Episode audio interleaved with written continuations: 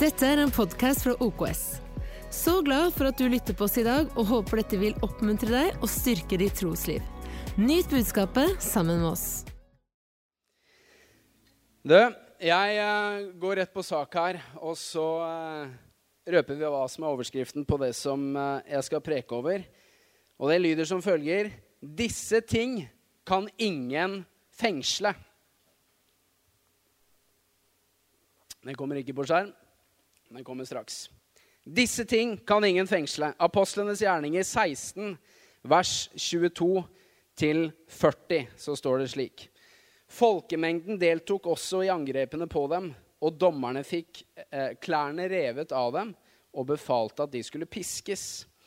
De fikk mange slag og ble satt i fengsel, og fangevokteren fikk ordre om å vokte dem godt.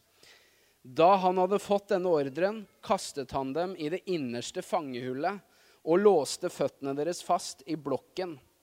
Ved midnattstider holdt Paulus og Silas bønn og sang lovsanger til Gud, og fangene lyttet til dem.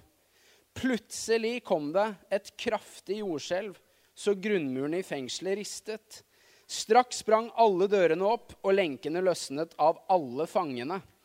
Fangevokteren for opp av søvnen og så at fengselsdørene sto åpne.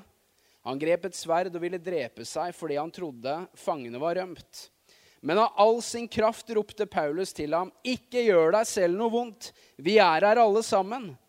Fangevokteren ba om å få lys, løp inn og falt skjelvende ned for Paulus og Silas.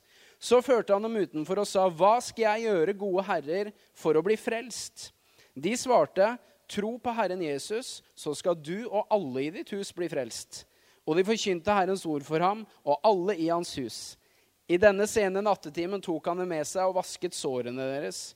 Og han ble straks døpt med alle sine. Så tok han dem hjem og ga dem mat, og han gledet seg sammen med hele sitt hus over å ha fått troen på Gud. Da det var blitt dag, sendte dommerne rettsbetjentene av sted med denne ordren. Løslat mennene. Fangevokteren meldte fra om dette til Paulus og sa, dommerne sender beskjed om at dere skal løslates. Kom nå ut og dra bort med fred. Men Paulus svarte, uten lov og dom er vi blitt pisket offentlig og kastet i fengsel, enda vi er romerske borgere. Og nå skal vi altså sendes bort i all hemmelighet? Nei takk. De får selv komme og føre oss ut. Rettsbetjentene eh, brakte dette svaret til dommerne, som ble skremt da de fikk vite at de var romerske borgere. De kom og ba om unnskyldning, fulgte dem ut av fengselet og ba dem reise fra byen. Da de var ute av fengselet, gikk de hjem til Lydia. Her traff de søsknene og satte mot i dem. Så dro de videre. For en tekst! Disse ting kan ingen fengsle. Konteksten til denne fengslingen av Paulus og Silas det er at de er ute på eh, sitt oppdrag og lever ut sin hensikt, som er å forkynne evangeliet. Og mens de gjør det, så forteller Bibelen at de blir plaget av en eh, slavepike som var besatt av en spådomsånd, som går bak dem og roper mange dager etter hverandre. Disse er Guds menn, disse forkynner dere veien til frelse og går og roper dette dag etter dag. Og, og det var jo riktig, det hun sa, men allikevel var det noe som på en måte ble en sånn stein i skoen til Paulus og Silas. Og så Til slutt så står det at Paulus ble meget brydd og snur seg og snakker til ånden som er i damen, og sier, 'Far ut av henne i Jesu navn.' Og hun blir befridd. En fantastisk god gjerning blir gjort mot denne dama. Men de som eide denne slavepiken, likte ikke det, fordi derved så forsvant også inntektene til disse herrene som eide henne. Eh, og de stevner eh, Paulus og Silas for retten og eh, får dem faktisk dømt. og de river av dem klærne, de pisker dem og slår dem med kjepper. Og de også, gir også fangevokteren streng beskjed om å holde streng vakt over dem, så han setter dem i det innerste fangehullet. Og der sitter de også med beina i blokken. Eh, så dette er en historie om to troende som er i fengsel. De er inne i fengselet. Men veit du hva? Inni det fengselet der hvor Paulus og Silas var fanget, så fins det flere ting som ikke er fengslet, men som de har kontroll på, og som de er frie til å ta i bruk. Så la oss se på ulike ting som fins inne i fengselet der. eh, som ingen kunne fengsle. Og det første vi skal se på, det er at eh, mine og dine gode valg ved midnattstider Ingen kan fengsle mine og dine gode valg ved midnattstider. Hva mener jeg med det? Jo, la meg lese vers 24 til vers 25 igjen. Så står det da han hadde fått denne ordren, altså fangevokteren, kastet han dem i det innerste fangehullet og låste føttene deres fast i blokken. Men ved midnattstider var Paulus og Silas i bønn og sang lovsanger til Gud, og fangene lyttet til dem. For mange mennesker så ender historien i vers 24. Det var det, liksom. Jeg havna i fangenskap. Og når jeg bruker ordet fengsel og fangenskap i dag, så sikter jeg til ulike ting som vi som mennesker, vi, vi som troende, kan oppleve oss bundet i, kan oppleve at vi blir fanga, kan føle at ulike områder kan være ens kropp, en syke, en sjel, familieliv, arbeidsliv, kan være hva som helst, som kan være ulike typer eh, fangenskap. Ofte så eh, ender dessverre historien til noen mennesker i vers 24. Det var det, liksom. Jeg, jeg ble syk. Jeg ble såra. Jeg ble bekymra. Jeg ble sliten. Jeg ble deprimert. Jeg ble avhengig. Jeg ble utslitt. Jeg ble en fange. Punktum. Men veit du hva? Vers 25 sier 'men' ved midnattstider. Du skjønner, Det, et, det fins et 'men' som fletter seg inn i historien til den som tror på Jesus. Men ved midnattstider.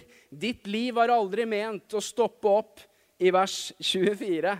Nei, ditt liv var ment å skulle fortsette i vers 25, hvor det kommer et 'men'. Det kommer et 'men' inn i livet ditt. Og vi snakker om ting som ingen kan fengsle. På tross av at du er i et fangenskap på et eller annet område i livet ditt, så fins det noen ting ved deg, akkurat som med Paulus og Silas, som ingen kunne fengsle. Og en av de tingene, det er at du kan ta gode valg ved midnattstider. La meg si noe om tidspunktet som Paulus og Silas sitter i fengsel. For det står 'men ved midnattstider'. Jeg tror det, Bibelen gjør et poeng eh, ut av det som handler om noe mer enn at klokka nærma seg tolv liksom, på natta, når de begynner å synge lovsanger til Gud og be, be til Gud. Jeg tror det sier noe om Paulus og Silas sin tro, som vi kan lære av her. Fordi, husk på, Paulus og Silas de har hatt en beintøff uke. De har opplevd flere dager på rad at denne dama går bak dem og, og plager dem, som da hadde denne onde ånden i seg. Og de har opplevd å blitt urettferdig behandla. De har blitt slått, piska, klærne er rivd av dem, og de blir kasta inn i det dypeste fangehullet.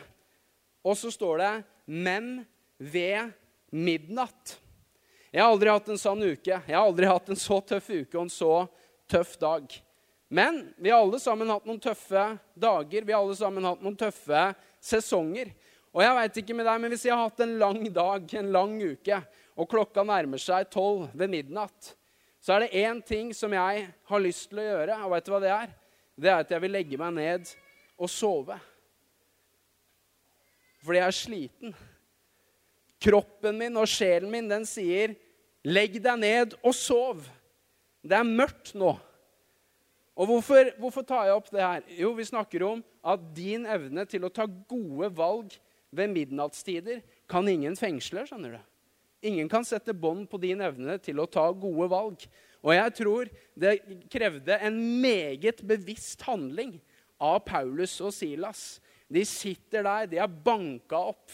Det er mørkt. De sitter i det innerste fangehullet. Beina sitter i blokken, og det er midnatt. Jeg tror omgivelsene og fangenskapet deres roper 'resigner'. Gi opp! Legg deg ned og sov. Du er en fange, men vet du hva? det var noe som ingen kunne fange ved dem.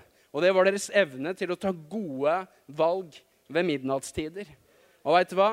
Det gjelder også deg, min gode venn, som er i en sesong av en midnatt hvor det er mørkt, og hvor du er sliten, og hvor du føler at mange deler av livet ditt er fanga. Men vet du hva? det fins én ting som ingen kan fange, og det er din evne til å ta gode og riktige valg i den sesongen du er i. Og så skal du se at faktisk så er det sånn at de valgene du tar i ditt fangenskap, vil også avgjøre hvor lenge du blir værende i fangenskapet ditt, og hvordan du kommer deg ut av fangenskapet ditt. Så kom igjen, du som er ved en sånn midnattstid i livet ditt. Velg å lytte til riktige stemmer. Velg å omgi deg med riktige mennesker. Fortsett å holde deg nær til Gud. Fortsett å komme til kirka. Fortsett å ta til deg Guds ord. Fortsett å gjøre de gode valgene. For veit du hva? Ingen kan fengsle din evne til å ta gode valg. Det er det du som bestemmer over. Du er herre over dine egne valg, og du kan ta gode, riktige valg midt i ditt fengsel, midt i midnattstiden din. Ja, men kroppen min og sjela mi, den er så sliten, Trond Egil. Den sier 'gjør det motsatte'. Jeg veit. Det er sånn det er når man er i en tøff sesong. Så sier kroppen og sjelen 'legg deg ned og sov'. Men veit du hva? Det fins noe i deg som aldri sover, og det er din ånd. Så kom igjen, koble på din ånd. Koble din slitne kropp og din slitne sjel. Koble dem på din ånd. Og så kan du gjøre som Paulus gjorde. Hva er det de gjør midt på svarte natta, midt i fangenskapet sitt? Så begynner de å be til Gud. Og ikke nok med det, men de begynner å synge. Det er det siste jeg har lyst til å gjøre når klokka nærmer seg tolv. Om jeg har hatt en veldig bra dag òg. Så har jeg ikke lyst til å nynne engang. Jeg vil sove. For jeg er sliten og trøtt, og jeg trenger å lade batteriene mine. Og vet du hva? Det fins en annen måte å lade batteriene dine på når du er sliten. Vet du hva det er? Det er å be og synge lovsanger til Gud, skjønner du. Ja, men jeg er i fangenskap. Jeg er bundet på hender og føtter. Ja, Men det fins én ting. Det fins noe ved deg som ingen kan fange. Og veit du hva det er? Det er din bønn til Gud, og det er din lovsang til Gud. Det er det ingen som kan fange, skjønner du. Og sannheten er at det som ingen kan fange ved deg, som er i det fengselet du er i, når du velger å ta det i bruk, så skal du se at det er også det som tar deg ut av ditt fangenskap. Og det leder meg til punkt to her. Din bønn og din lovsang til Gud. Ingen kan sette bånd på den. Ingen kan, ingen kan, styre det. Men du må bevisst velge, særlig hvis du sitter i fengsel og det er ved midnattstid. Det krever et meget bevisst valg. Men du skjønner at når en troende havner i et fengsel, så havner også troen i fengsel. skjønner du. Og det er nøkkelen til din frihet. Så Paulus og Silas de var fengsla, men med nøklene til friheten sin. Og det er to nøkler. Den ene det var bønn, og det andre det var lovsang. Og jeg tror ikke rekkefølgen er tilfeldig heller. Det står de var i bønn og sang lovsanger til Gud.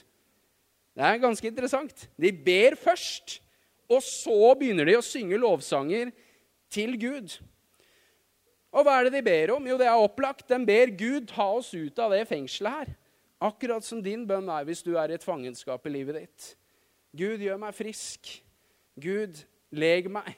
Gud, sett meg fri fra det her. Det er manges bønn i det rommet her. Men lær av Paulus og Silas, for det står de var i bønn og sang lovsanger til Gud. De ba ikke 'Gud, sette oss fri', og så bare satte seg ned og venta passivt. Nei, på at noe skulle skje. Nei, Rett etter at de hadde bedt, så begynte de å synge lovsanger til Gud. Og La meg illustrere. Hvis, hvis du tenker det her i det menneskelige, så vil jo det nesten virke litt sånn frekt og manipulativt. Se for deg at eh, jeg og Irene vi har solgt leiligheten vår og fått kjøpt oss hus. I claim that in the name of Jesus. så, så slår jeg på tråden til min gode, gode venn og kollega Kjartan. Hei, Kjartan, vi skal flytte, og jeg jeg trenger hjelp til, til flyttelasset. Kunne du tenke deg å hjelpe meg? Og tusen takk for at du hjelper meg. Takk for at du hjelper meg, Kjartan. Det setter jeg veldig pris på. Jeg takker deg for at du hjelper meg. Det ville jo vært veldig merkelig og nesten virka litt sånn manipulativt og frekt. Nei, hvis man spør et menneske om hjelp, ber et menneske om hjelp, så spør man kan du hjelpe meg med flyttelasset. Hørte du det, Irene? det, det er også manipulativt. Ja, han sier 'sure', og da sier jeg takk. Og så får jeg hjelpa, og etterpå så gir jeg en skikkelig takk. Det er jo det som er vanlig folkeskikk å gjøre. Men veit du hva? Det funker litt annerledes når vi ber til Gud. skjønner du. For det når vi ber til Gud, så ber vi ikke bare om at vi håper om at vi får den hjelpa vi trenger. Nei, vi ber i tro. skjønner du. Og tro er full visshet om det man håper på, sier Bibelen. Tro er overbevisning om det man ikke ser. Så vi ber ikke bare i et håp om at det skal skje. Vi ber med en full visshet om at det vi håper skal skje, ja, det skal skje. Og Derfor så er det sånn at før det bønnesvaret manifesterer seg og materialiserer seg her på jorda, så er det sånn at vi spør Gud kan du hjelpe meg, og så går vi rett over på å synge 'Takk for at du hjelper meg'. Du er stor, du er god. Takk for at du hjelper meg. Og boff! Der kommer det. Det er det som skjedde med Paulus og Silas. De sitter der med beina i blokken. De er bundet på hender og føtter ved midnattstid. Og de ber til Gud, og så synger de lovsanger til Gud. Og så sier Bibelen plutselig Wow! Plutselig så kom det et mektig jordskjelv. Så det var et eller annet med den bønnen og den lovsangen som Gud likte. i hvert fall. Plutselig kommer det et stort jordskjelv som skaker grunnvollene i fengselet. Som gjør at dørene sprenges opp til alle fangene, og lenkene til alle fangene de ble løsnet. Et overnaturlig jordskjelv, skjønner du. Fordi ingen mennesker eller bygninger blei ødelagt. Det var bare sånn akkurat passe støt i jordskjelvet som gjorde at dørene og lenkene falt av. Men når skjedde det? Det skjedde mens de sang lovsanger til Gud. skjønner du. Det skjedde under lovsangen. Plutselig, mens de drev og sang lovsanger til Gud, mens de drev og priste Gud, så skjedde det. Ofte så er lovsangen vår en frukt av miraklet vi har opplevd. Men vet du hva, noen ganger så er også miraklet ditt en frukt av din lovsang. Noen ganger vil Gud at din lovsang skal gå foran ditt mirakel. Så kom igjen, du som har bedt din bønn, og vi skal be sammen etterpå her også. Du som be, har en bønn om frihet fra ditt fengsel. Vet du hva? Ingen kan fengsle din bønn og din lovsang. Du er fengslet, men du er fengslet med nøkkelen til din frihet. skjønner du. Det er din bønn, det er din lovsang, det er din tro. Ingen kan ta det fra deg. Ingen kan stjele det fra deg. Du sitter med de nøklene i lomma di, holdt jeg på å si. Ta dem fram, vi ber til Gud, og så synger vi lovsanger til Gud. Og mens vi gjør det, plutselig, plutselig så løsna den lenken som satt på hånda di. Jeg husker vi, vi hadde besøk av pastor Anders Olsson for eh, ja, tre-fire år siden, som da var pastor i det som tidligere het Connect Church i Gøteborg, og som ble Hillsong Gøteborg. Han holdt en fantastisk preken om takknemlighet. Er det noen som kan huske det? Som var her da? Et par stykker. Nydelig prekende ligger på MP3-senteret. Og Han, han snakka litt om de tingene her og fortalte at han hadde slitt med flyskrekk i mange år. Ganske sånn åpen og ærlig på det. Og ofte var da på Hillsong Conference i Sydney. Det er veldig kjipt å ha flyskrekk når du ofte er på Hillsong Conference i Sydney. Men han trossa sin frykt og satte seg inn i flyet. Og så forteller han at det var første gang han hørte den sangen her, som eh, heter 10,000 Reasons. Altså 10 000 grunner til å prise deg. Vi har sunget den i kirka her før òg. Så sier han første gang jeg hørte den sangen, og jeg sto og priste Gud. Og så uh, forteller han bare mens jeg står og priser Gud, så opplever jeg at flyskrekken min den bare forsvant. mens jeg står der og, og løfter hender og, og tilber og synger til Gud. Og så sier han at når jeg setter meg på flyet hjem, så er det sånn at jeg kjenner flyskrekken er, den er fullstendig borte. Og nå sitter jeg bare og gleder meg til neste gang jeg skal fly. Hva skjedde? Jo, han hadde kanskje lenker på hendene sine. Han hadde kanskje sett med håndjern på hendene sine, men det var oppløftede hender som tilba Gud. Og mens han tilba Gud, så plutselig, plutselig så var lenka på bakken. Jeg, ikke, jeg prøver ikke å presentere en quick fix for deg her. Det, det der, plutselig, det kan skje på to minutter. Det kan skje på to uker, på, på, to måneder. Jeg har ikke noe fasit på det, men jeg bare prøver å, å oppmuntre deg. At uansett om du er i fangenskap, så kan ingen sette bånd på din lovsang til Gud og din bønn til Gud. Du er fengslet, men med nøklene til din frihet. Amen. Disse ting kan ingen fengsle. Neste punktet er ja, hva var det, da? Din vilje til å bevare ditt hjerte. Vers 27 og 28 sier fangevokteren for opp av søvnen og så at fengselsdørene sto åpne. Han grep et sverd og ville drepe seg fordi han trodde fangene var rømt. Men av all sin kraft ropte Paulus til ham, 'Ikke gjør deg selv noe vondt. Vi er her alle sammen.'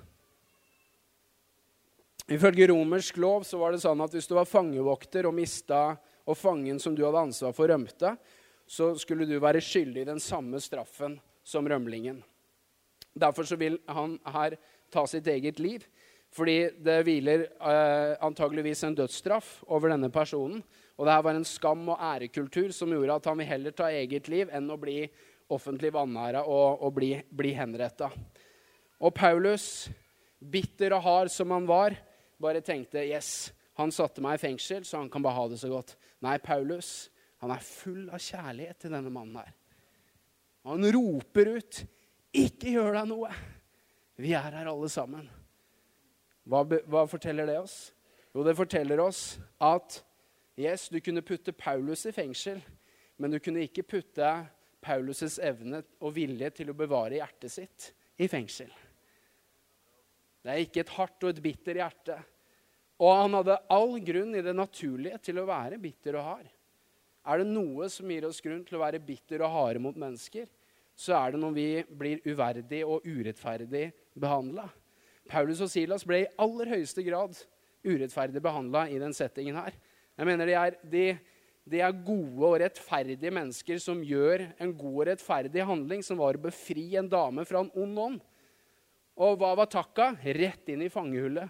Piska og slått. En enorm urettferdig behandling. Og en meget stort grunnlag for å være bitter og hard. Men vi ser her ikke et hardt og et bittert hjerte, men vi ser at det var en som hadde evnen til å bevare hjertet sitt i fengselet sitt. Og Det vil jeg si til deg som kanskje har havna i en oppstendighet, i et fangenskap, der menneskers urettferdige behandling av deg har brakt deg dit, så vil jeg si at ok, du er i et fangenskap, men din evne til å bevare ditt hjerte er ikke i fangenskap. Du kan ta styringa over hjertet ditt. Du kan bevare ditt hjerte, som Bibelen snakker om. Ordspråkene 423 sier, 'Bevar ditt hjerte fremfor alt du bevarer'. For livet går ut ifra det fremfor alt du bevarer. Jeg mener Det er mange ting vi tar vare på her i livet. Du låser leiligheten din, du låser bilen din. Eller noen av oss gjør det. Du tar vare på lommeboka di, ungene dine, hvis du har det. Jeg mener det er mange viktige ting som vi beskytter og bevarer her i livet. Og at Noen ganger i kortere eller lengre sesonger så er det nesten sånn at vi, vi tar bedre vare på mobilen vår enn vi tar vare på hjertet vårt. Men Bibelen sier, Guds ord sier til deg og meg, fremfor alt, fremfor alt du bevarer. Den viktigste verdisaken i ditt liv, det er hjertet ditt. Fordi livet ditt går ut ifra hjertet ditt. Og hvor viktig det er å bevare hjertet sitt når du sitter i et fangenskap. Hvor andre har plassert deg i det fangenskapet. Pass på hjertet ditt. Ja, men jeg er fanga. Ja, men din evne til å bevare ditt hjerte, det er ikke fanga. Bevar ditt hjerte. Jeg må bevare mitt hjerte. Og du må bevare ditt hjerte. Og hva er hjertet? Fins masse å si om det.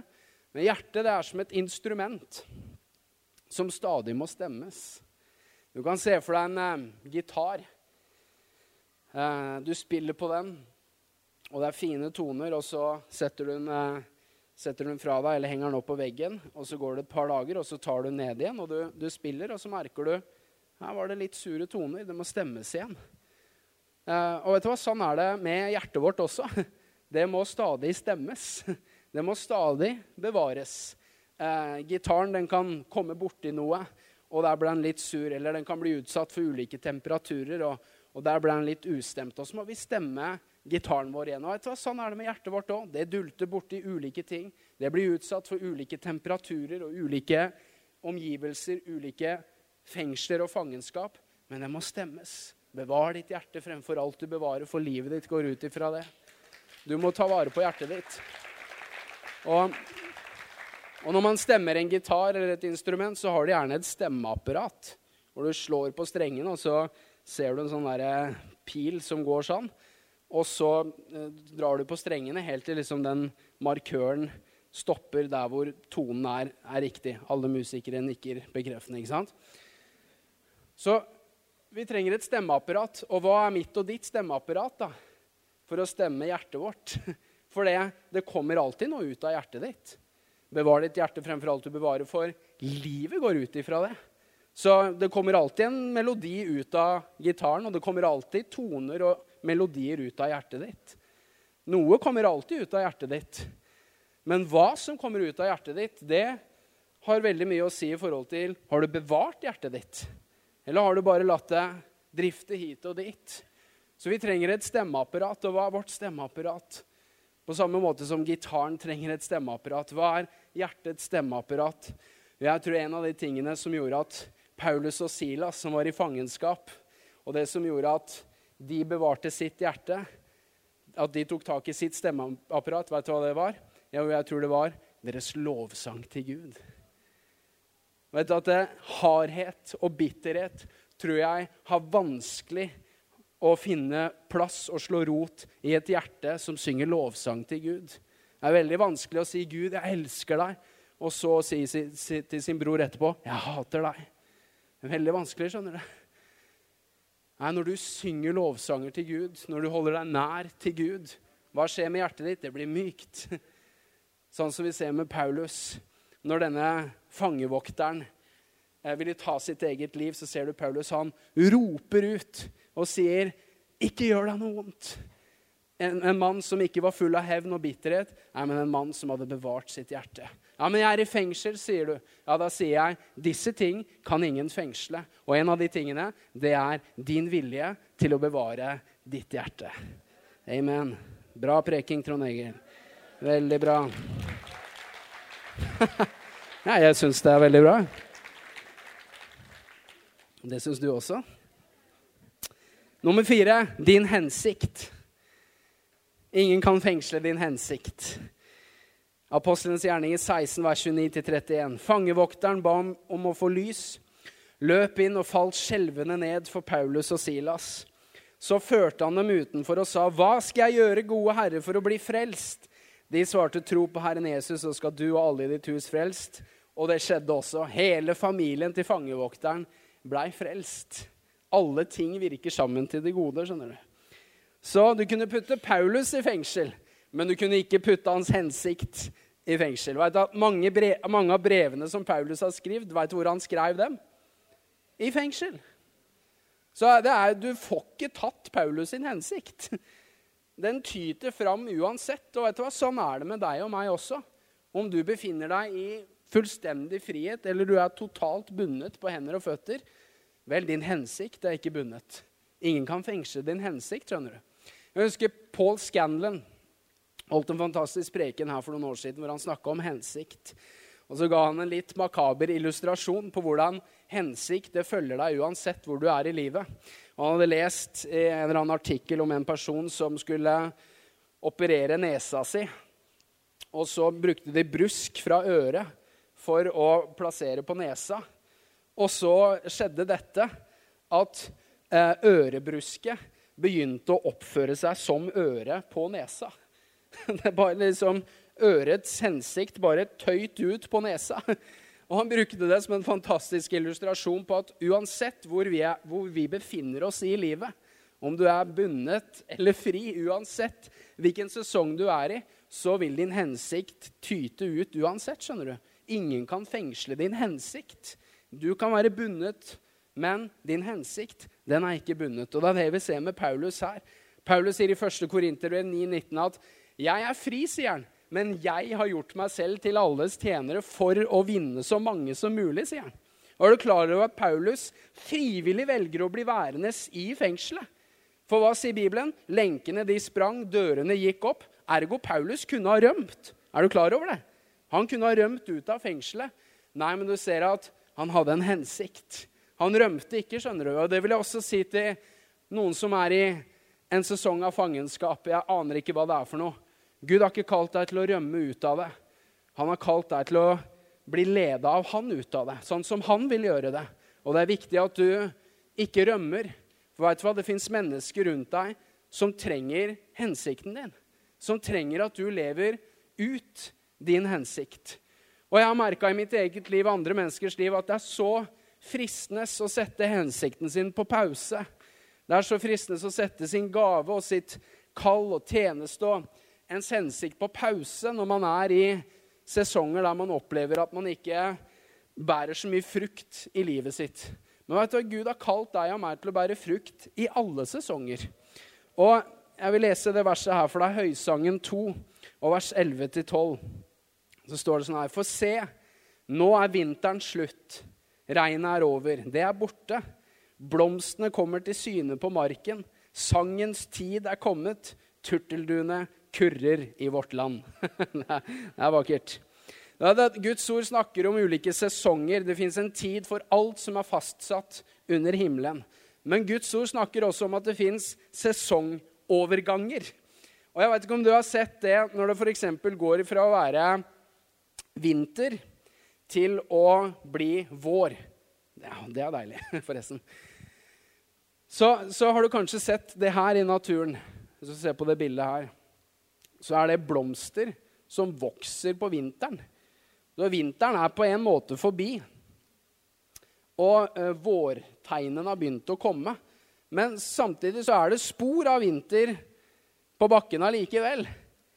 Og jeg syns det er et fantastisk bilde på hvordan livet kan være noen ganger. Når man er litt sånn som med Paulus, at 'jeg er i fangenskap', men lenkene var sprengt av, dørene var åpne. Han, han, han kunne ha gått, men samtidig så ser du 'Hei, jeg, jeg skal være i disse omgivelsene litt til. Ikke jeg skal plage meg sjæl i fangenskapet, men jeg skal, jeg skal, gå ut av det fangenskapet her, sånn som Gud vil jeg skal gjøre det. Og jeg skal samtidig leve ut hensikten min. Og Det bildet der er så beskrivende i forhold til hvordan livet kan føles noen ganger. Når man er i et fangenskap og man føler at ah, det er så lite hensikt og frukt som kommer ut av livet mitt. Nei, men se på det bildet, da. Se. Det kommer noe opp av bakken på vinteren. skjønner du. Det skjer noe under bakken som gjør at det også kommer noe opp av bakken. Og sånn kan livet være noen ganger. Og vet du hva? Den snøen der, den varer ikke evig. Den smelter, skjønner du. Og vet du hva som skjer når den smelter? Da går det ned i bakken, og så fukter den og kultiverer jorda. Og så vil røttene til det som vokser opp av bakken, absorbere næringen fra det, som gjør at det som kommer opp av bakken, blir enda sterkere. Alle ting virker sammen til det gode. skjønner du. Og det er det vi ser i den teksten her også. Yes, det blir kasta i fengsel, men ingen kunne fengsle deres hensikt. Paulus lever ut hensikten sin, og hva skjer? Jo, fangevokteren som hadde kasta han inn i fengsel, han blir frelst, og hele familien hans, hele husholdet hans, kommer til tro på Jesus. Hvorfor? Jo, fordi Paulus forsto at yes, selv om jeg er i fengsel, så kan ingen fengsle min hensikt. Og det trenger jeg og du også forstå når vi er i ulike fangenskap i livet. Kom igjen. Ingen kan fengsle din hensikt. Ingen kan fange den. Så lev ut din hensikt på tross av de lenkene som sitter på beina dine, på tross av fengselet som er rundt deg. Du har fortsatt en hensikt. Det fins fortsatt en mening med livet ditt, min gode venn. Så lev ut hensikten din i Jesu navn.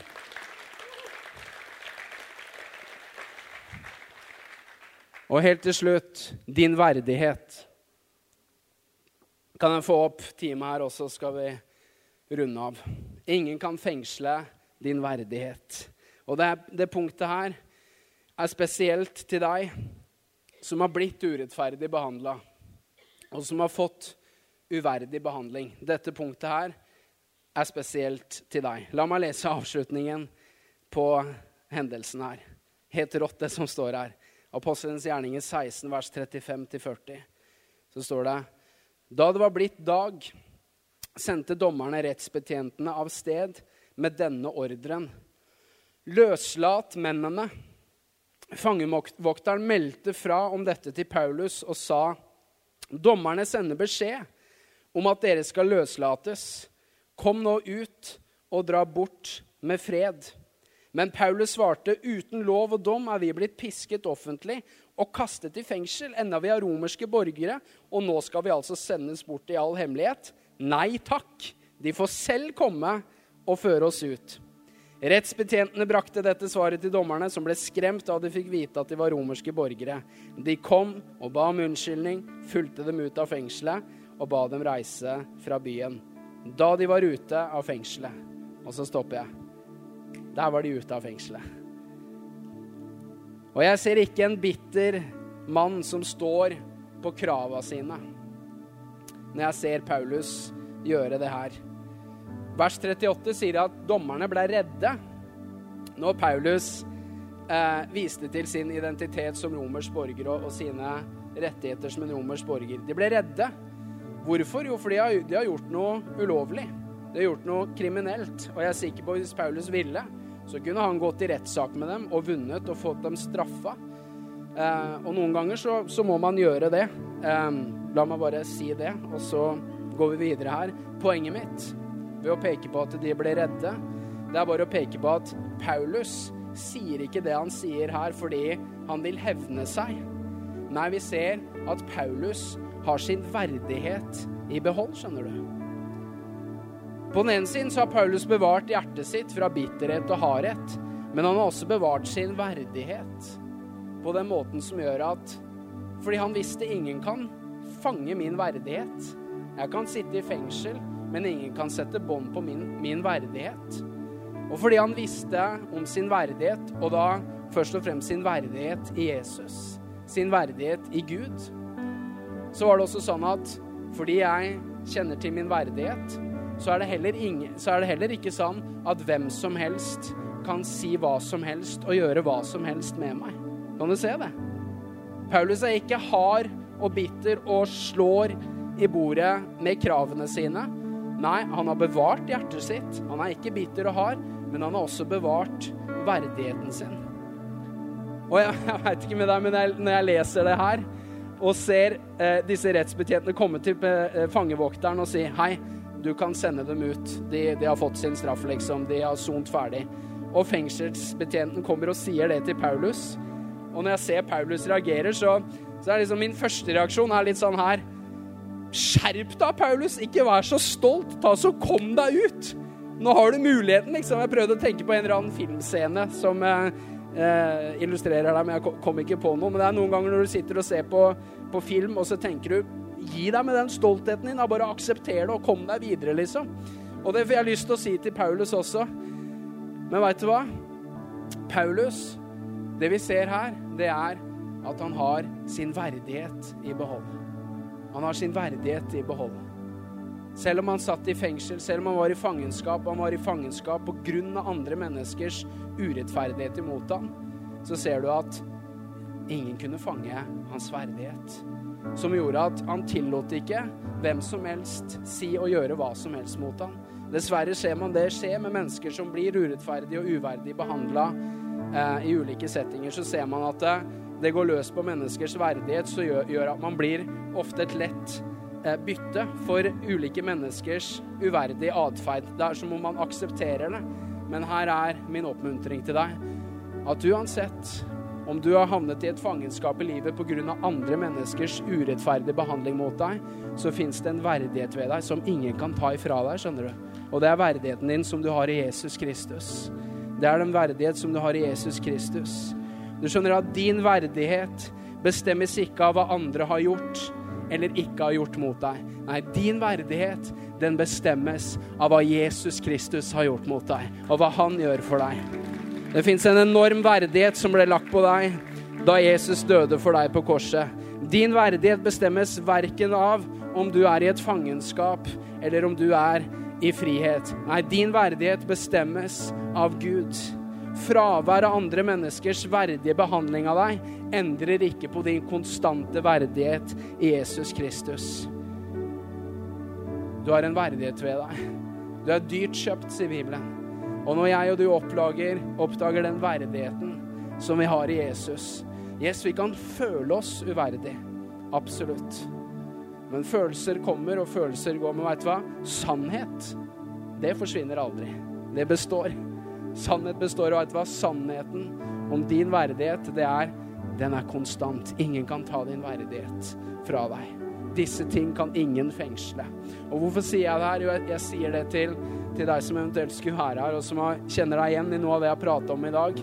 Så vil jeg si til deg at uh, på grunn av din verdighet i Jesus Kristus, så skal du få lov til å ha en selvrespekt ved deg sjæl som gjør at du tillater ikke hva som helst fra hvem som helst. Akkurat som Paulus, som sa at uh, OK, skal det være på den måten? Jeg skal ikke liste meg ut her og, og liksom bare tas ut og, og, komme meg ut av byen på en, på en sånn forsiktig og diskré måte. Nei, de kan ikke behandle meg sånn som de vil.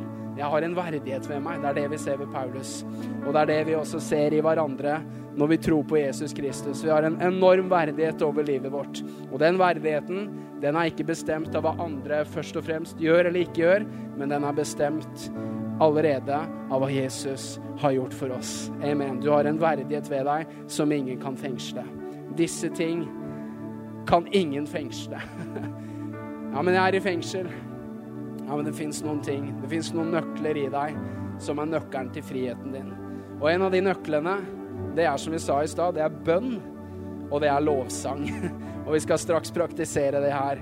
Vi skal straks gi en mulighet til å, til å be til Gud, og så skal vi fylle det rommet her med helhjerta lovsang. Uansett om du føler deg bundet, så skal du løfte hånda di opp til Gud og synge og prise Han fordi Han hører din bønn og eh, når, vi vet at han hører vår bønn, og vi har bedt etter hans vilje, da vet vi at vi får det vi har bedt han om også, sier ordet. Og derfor så kan vi synge før svaret faktisk manif manifesterer seg. Takk for at du tok deg tid til å lytte på en av våre podcaster fra OKS. Vår visjon er å bringe Jesus til mennesker i vår verden, og mennesker i vår verden til Jesus. Følg oss ellers på vår YouTube-kanal og sosiale medier. Du er velkommen til å besøke en av våre kirker. For mer informasjon, sjekk ut oks.no.